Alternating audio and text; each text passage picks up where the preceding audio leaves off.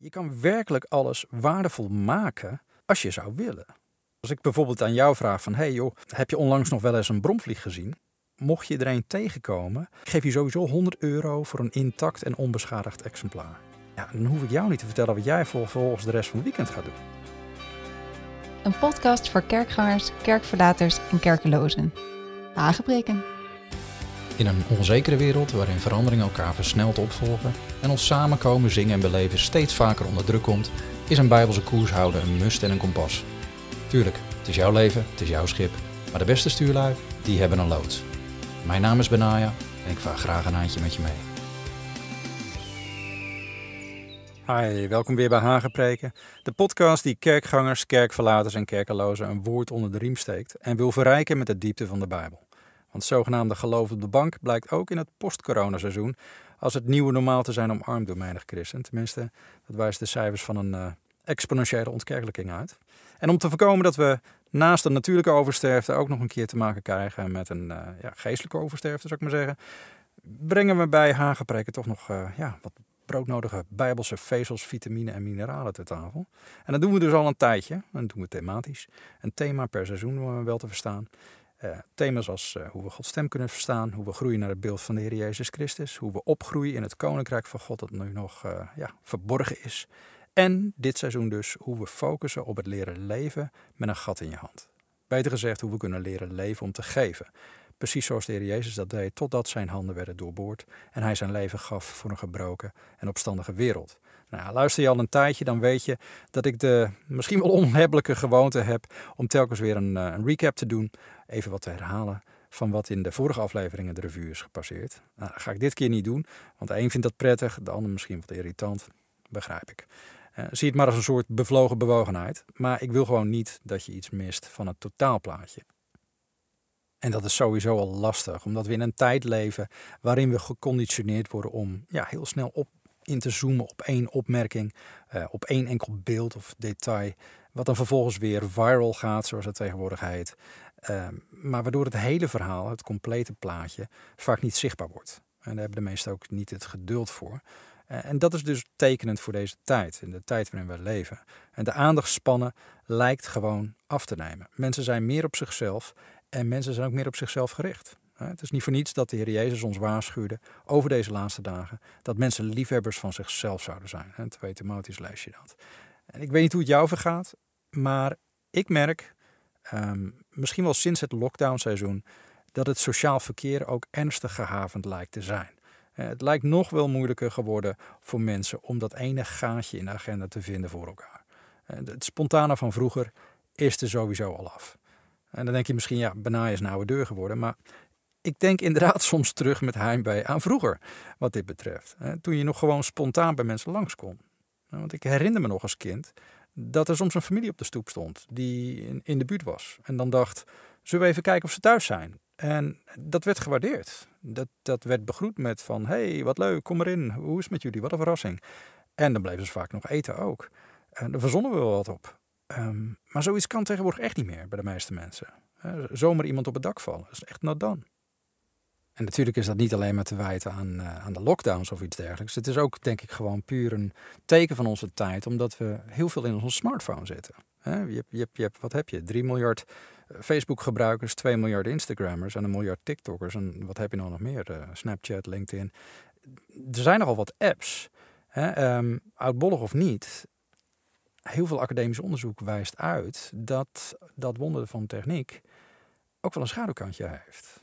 want ook al gebruik je alleen WhatsApp of Telegram of Signal of iets dergelijks, het conditioneert je wel in zekere mate om een kortstondige aandacht te geven aan je medemens. En dan ook vooral luchtig en leuk of functioneel.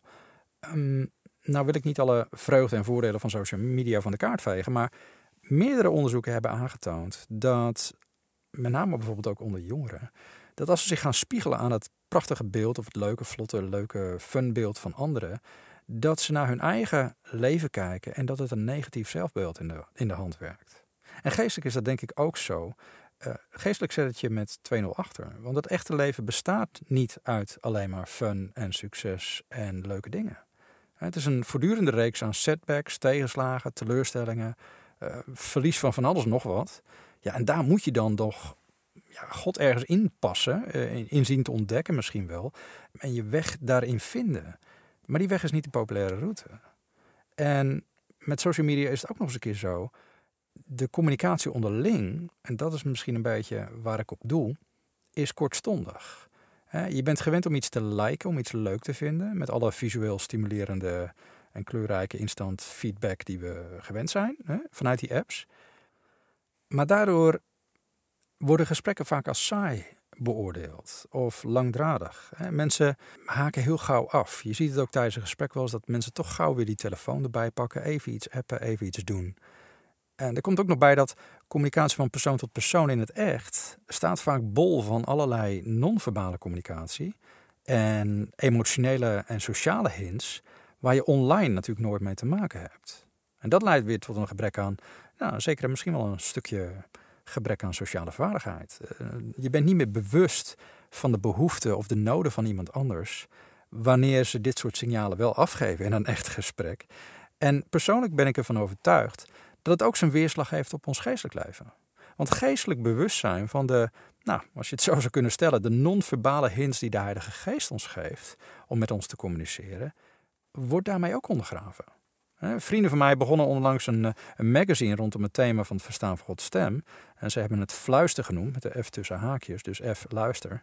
Eh, ik kan me geen betere naam bedenken, want het is nodig dat we leren luisteren naar de stille stem van God, de hints van God die Hij geeft, de dingen die Hij communiceert. Want mensen worden in deze tijd steeds dover, geestelijk gesproken. De Heer Jezus vroeg zich niet voor niks af. Zal de zoon des mensen, als hij komt, wel het geloof op aarde vinden? Lucas 18 we weten hoe dat geloof ontstaat. We hebben het er vaak over gesproken, ook in deze hagepreken. Namelijk geloof komt door het horen en horen door de woorden van God. Romeinen 10 vers 17, bekende tekst. Er zit kracht dus in luisteren. Luisteren naar de woorden van God. En het is opmerkelijk dat God het juist niet nodig vond om Jezus voortdurend zichtbaar op aarde te houden. Zodra zijn woorden zich in het hart van een mens wortelen, ontstaat geloof ontstaat dat vertrouwen naar Hem toe. Dus die volkswijsheid van eerst zien en dan geloven, ja, dat is dus dwaasheid voor God. Het is eerst horen naar Zijn woorden en dan ontstaat geloof. Want wat we zien, ja, dat heeft ons eerder de das om gedaan. Dat is op social media wel heel erg belangrijk, maar Eva keek ook naar de boom van kennis van goed en kwaad en zag dat deze begeerlijk was om daar wijs van te worden. Lees in Genesis 3. Maar die eigen wijsheid, die we daarmee hebben geadopteerd, is de reden van alle ellende, van, van alles wat we nu nog om ons heen zien. Dat deed ons de das om. En dat maakt het ook lastig om een, ja, een publiek ehm, te werven voor de woorden van God. zowel in een kerksetting als misschien ook in zo'n podcastsetting. Want mensen zijn ongeduldiger geworden. Mensen willen eigenlijk meteen die reactie. En dat zie je ook in social media. Als we niet meteen een reactie krijgen op onze post of ons berichtje of appje, ja, dan maak je je meteen zorgen. Of, of sommige mensen raken zelfs geïrriteerd. Want binnen de tijdslijn van social media ja, hoef je nooit langer te wachten dan een aantal uren, maar dan heb je direct reactie. Ja, en God is soms wel duidelijk de eeuwige in zijn antwoorden en in zijn weg met ons. Dat duurt wel even. Sowieso is duizend jaar als één dag en één dag is duizend jaar. Nou, dan kan het nog wel even duren voordat je antwoord krijgt. Maar blijf je dan geloven, blijf je vertrouwen. Nou goed, om een lang verhaal kort te maken. We leven dus in een maatschappij die net weinig tijd neemt of aandacht geeft aan elkaar. En aan zaken die er echt toe doen. En ook voor het woord van God en voor het luisteren naar God lijken we steeds minder de tijd te nemen. En dan maken we er wel tijd voor. Maar als we er tijd voor maken, meestal niet genoeg om tot de kern door te dringen. Want we, hebben zoveel andere dingen te doen. Ja, en dat past ons dus niet. Die gefragmenteerde aandacht van deze tijd past ons niet als volk van God. Want Jezus probeerde het ook duidelijk te maken. Bijvoorbeeld aan Martha? Je, kent het verhaal. Martha die had ongetwijfeld ook wel wat meegepikt van wat Jezus in de huiskamer daar vertelde, waar Maria zat. Maar tegelijkertijd was ze ook aan het bedienen. Was op multitasken, zouden we zeggen. Hè? Maar Jezus zei dat het noodzakelijk was om net als haar zus Maria te focussen. Gewoon te zitten aan zijn voeten en te luisteren. Want alleen dan krijg je grip op dat goede deel wat hij je duidelijk wil maken. Dan weet je ook zeker dat het niet van je afgenomen zal worden. Want dan ga je het onthouden. Lees maar na, Lucas 10 staat dat. En dat echt zitten, dat langdurig luisteren, dat tijd nemen om iets te doorforsen, te doorgronden en te zien hoe het in de brede context van een totaal plaatje past, ja, dat is bijna een lost art, echt. Vandaar dat om dat te compenseren herhaal ik dus vaak veel dingen voor je. En hoop ik dat Hagenpreken daar een beetje een steentje aan bijdraagt om dat nou ja, te cultiveren, om dat weer te gaan waarderen in je leven. En verder kan ik je natuurlijk alleen maar aanmoedigen om ook nog eens door te scrollen in de annalen van deze podcast. Want tot, tot dusver hebben we nou, toch wel een, een redelijk boeiende reis gehad. Dat krijg ik ook als feedback. En we hebben het al gehad in dit seizoen over de schat van God en hoe ons hart vreemd genoeg achter onze schat aanloopt. En voor je het nog niet doorhad, een schat is datgene waar we het meeste waarde aan toekennen. En dit wordt dan vaak zichtbaar aan de hoeveelheid tijd, aandacht, energie en geld wat we eraan willen besteden om te verkrijgen datgene wat we waarderen. Of, of te beleven datgene wat we waarderen. Het hoeft niet zozeer in termen van goud, zilver en dergelijke te worden vertaald. Hè. Ik, ik bepaal namelijk zelf wat van waarde is voor mij. En dat kan inderdaad goud zijn of dure horloges of weet ik veel, iets van waarde Ehm, wat in geld is uit te drukken. Maar het kan net zo goed een hobby zijn of een sport. Waar ik al mijn tijd, aandacht en geld en energie aan geef om het te kunnen doen. Nou, als je erover nadenkt op die manier, is het eigenlijk bizar waar mensen soms waarde aan, aan hechten. Ik bedoel, sommige mensen gaan helemaal trippen op van die kleine gekartelde papiertjes waar anderen goud voor neertellen. Postzegels bedoel ik dan. Iemand heeft dat verzonnen uh, dat dat waardevol is en mensen gaan dat sparen, gaan het verzamelen. Dat is een hele handel geworden. En dat is mijn punt dan ook. Je kan werkelijk alles waardevol maken als je zou willen. Als ik bijvoorbeeld aan jou vraag van, hey joh, ehm, heb je onlangs nog wel eens een bromvlieg gezien? Ik bedoel, zo'n zo'n grote gitzwarte met een blauw-groenig achterlijfje die je meestal bij de vuilnis uh, ziet rondlopen of, of bij de hondenpoep. Zo'n zo'n strontvlieg, zullen we maar even zeggen, sorry voor het woord. Dan zou jij misschien wel denken, nee, lekker belangrijk, wat boeit dat nou? Maar als ik je vervolgens zeg, nou, mocht je er een tegenkomen, laat het me dan weten. Of beter nog, breng hem dan bij mij. Want ik geef je sowieso 100 euro voor een intact en onbeschadigd exemplaar. Ja, dan ga je denken, nou, heeft ze niet alle zeven meer op een rijtje. En toch, hè, als je dan aanstaande zaterdag bij het naar buiten brengen van de vuilnis, inderdaad zo'n strontvlieg ziet, ja, dan denk je toch weer even terug aan die conversatie die we net hadden. En dan besluit je om misschien bij wijze van grap dat je dat beest vangt, dat insect vangt, en dat leef je bij me af. Maar je zal stijl achterover slaan als ik dan mijn portemonnee trek en er 100 euro uithaal en zegt: Fantastisch, echt prachtexemplaar. Ik hou me aanbevolen als je er nog zo een vindt. Ja, dan hoef ik jou niet te vertellen wat jij volgens de rest van het weekend gaat doen. En als je buurman jou dan tussen de vuilnis ziet struinen en zegt: Hé, wat ben jij nou mee bezig? En jij zegt: uh, Nou, ik ben wat kwijt, uh, geloof ik maar ja, je zegt op zo'n manier dat hij denkt, er klopt hier iets niet. En hij volgt jou en hij ziet dat ik jou 300 euro geef voor nog drie van die smerige vliegen. Ja, dan duurt het niet lang of mensen krijgen door dat er een of andere gek is, genaamd Benaya, die geld geeft voor strontvliegen. En het gevolg is dan dat dit soort beesten enorm waardevol worden. Net als die gekantelde vierkante postzegelplaatjes. En dat is niet omdat papier zo duur is, maar omdat iemand er waarde aan hecht. Nou, even een kleine disclaimer. Ik, ik heb dus niks met strontvliegen hoor. Dus kom niet aanzetten, want ik geef er niets voor. Maar je snapt het punt denk ik wel. Letterlijk alles kan waardevol worden zodra iemand er waarde aan hecht. Nu houdt niet iedereen natuurlijk van postzegels of van vliegen. Maar we weten wel allemaal dat er edelmetalen zijn, zoals goud en zilver. En natuurlijk ook allerlei valuta, die over het algemeen door iedereen als waardevol worden beschouwd. En dat is gewoon omdat andere waardevolle dingen weer kunnen worden uitgedrukt in euro's en dollars en dat soort dingen.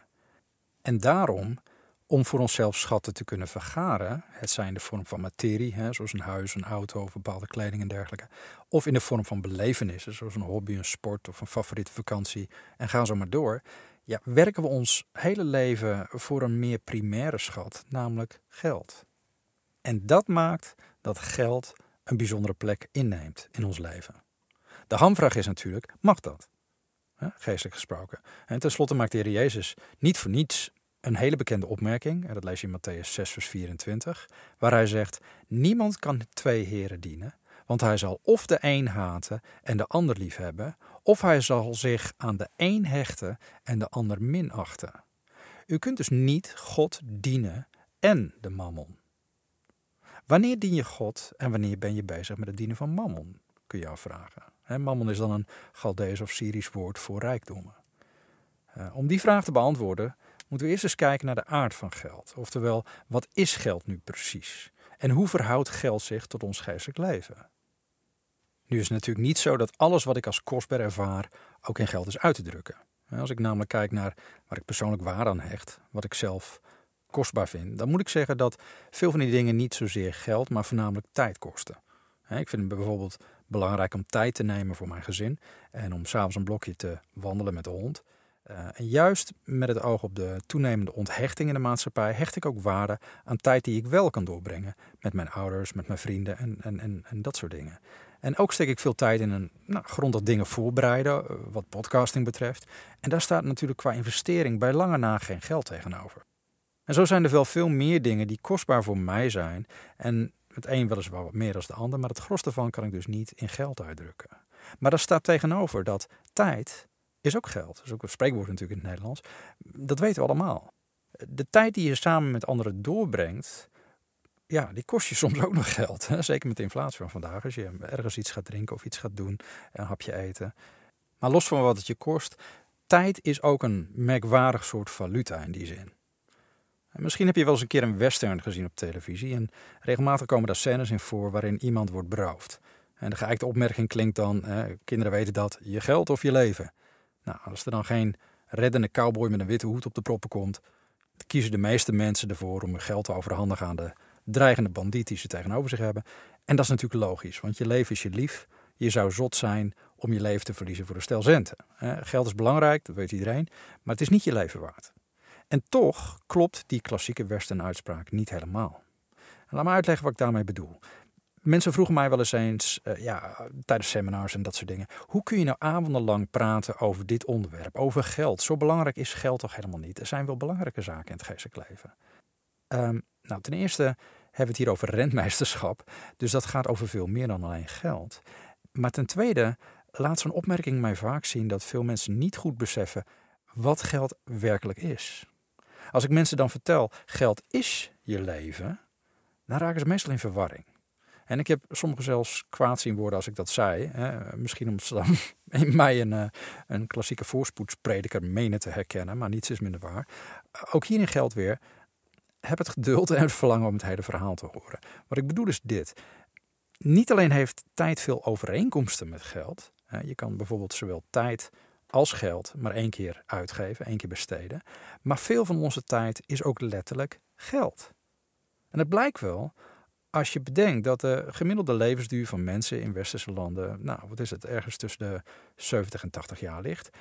Maar van die levenstijd wordt een groot deel niet gespendeerd aan hobby's en leuke dingen doen voor onszelf.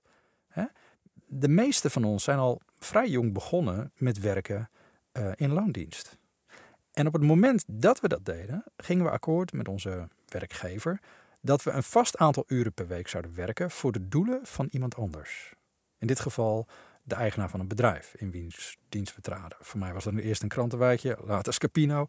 Maar de uren van ons leven die we in dienst van deze werkgever spendeerden, die konden we niet aan eigen activiteiten eh, besteden. Dat, je moest iets doen voor zo'n werkgever.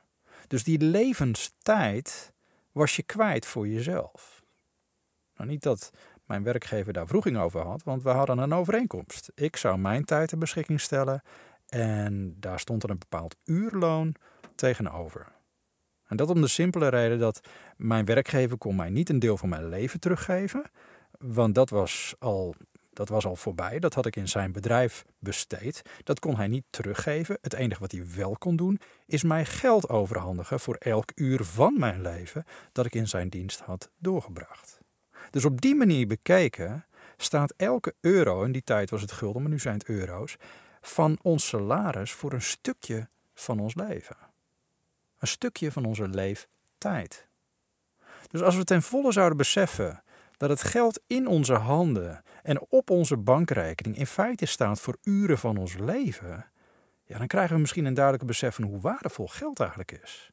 En dat je geld eigenlijk stukjes van je leven zijn, begrijp je wel?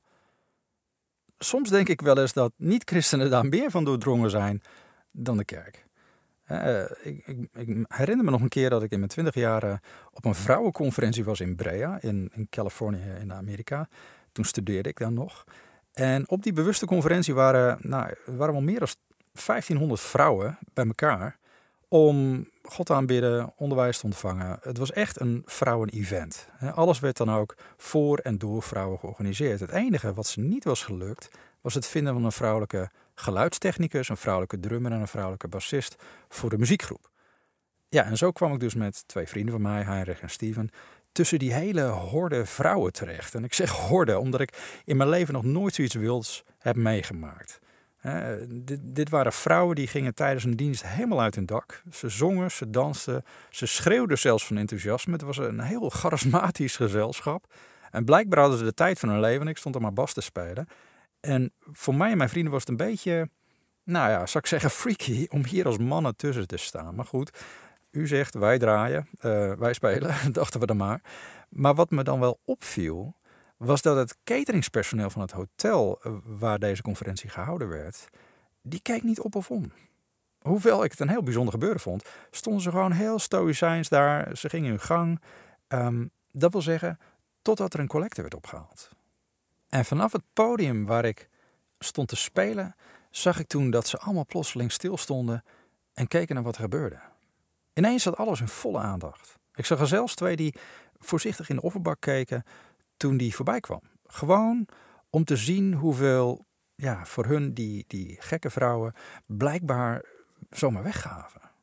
Zomaar, zonder er iets voor terug te krijgen. Nou, op het moment dat je zomaar geld weggeeft zonder er schijnbaar iets voor terug te krijgen, ja, dan val je voor de meeste mensen in de categorie dwaas. Ik bedoel, cursusgeld betalen, snap ik. Goed doel sponsoren, snap ik ook. Maar geld weggeven omdat iemand zegt: laten we een offer brengen aan God. Ja, dat lijkt volslagen onlogisch en zot. Ik bedoel, wat heb je daar nu aan? En ik weet nog dat ik toen dacht: typisch. De wereld weet welk moment er echt toe doet. Want uiteraard kent een, een christelijke samenkomst meerdere belangrijke momenten. Hè? Tuurlijk, het doet het toe. Het, het verkondigen van het woord. En ook elke nou, bewuste hartsbeslissing die tijdens zo'n dienst gemaakt wordt, al dan niet publiekelijk, is van wezenlijk belang. Maar toch, er is bijna geen krachtiger uitdrukking van ons geloof en ons vertrouwen in God dan het geven van ons geld. Want als wij financieel geven, geven we dus ook een stukje van onszelf.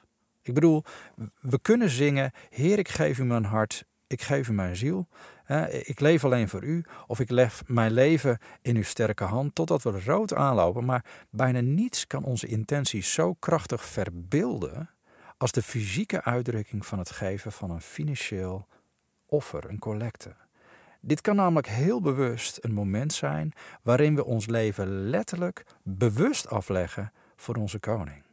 Prachtige woorden, gezongen in liederen en aangespoord door het woord en uitgesproken in gebed, worden dan ineens uitgedrukt in cash, QR of machtigingsformulieren. Geld wat staat voor uren en dagen van ons leven, die we in valutavorm terugkregen, omdat we geen levenstijd konden terugkrijgen, die leggen we nu neer. Snap je wat ik bedoel? En wat een verantwoordelijkheid trouwens voor degene die zo'n collecte of offer aankondigt en, en, en binnenhaalt. Daarmee wordt je immers kostbare levenstijd van je broers en zussen in Christus toevertrouwd. En soms twijfel ik er een beetje aan of leiderschap in kerken en christelijke organisaties wel voldoende beseffen wat een verantwoordelijkheid ze hebben om hier integer en zorgvuldig mee om te gaan, om te begrijpen wat hier eigenlijk gebeurt. En daar wil ik in een andere aflevering nog wel een keer over hebben. Maar het punt is dit: als er iets is waarmee we een tastbaar statement maken dat de koning en heer van ons leven wordt vertrouwd door ons, dan is het wel met een offer. En als we geven met die bewuste mindset, maakt dit ons offer tot een prachtige daad van geloof en overgave. Maar helaas blijven mensen wat geld betreft vaak steken in het idee dat geld niet belangrijk is of geld niet iets geestelijks is. Waarschijnlijk vanwege kreten als onrechtvaardige mammon en de wortel van alle kwaad, die, die je natuurlijk in de Bijbel tegenkomt. En daar gaan we het volgende keer ook nog wel een keer over, even over hebben.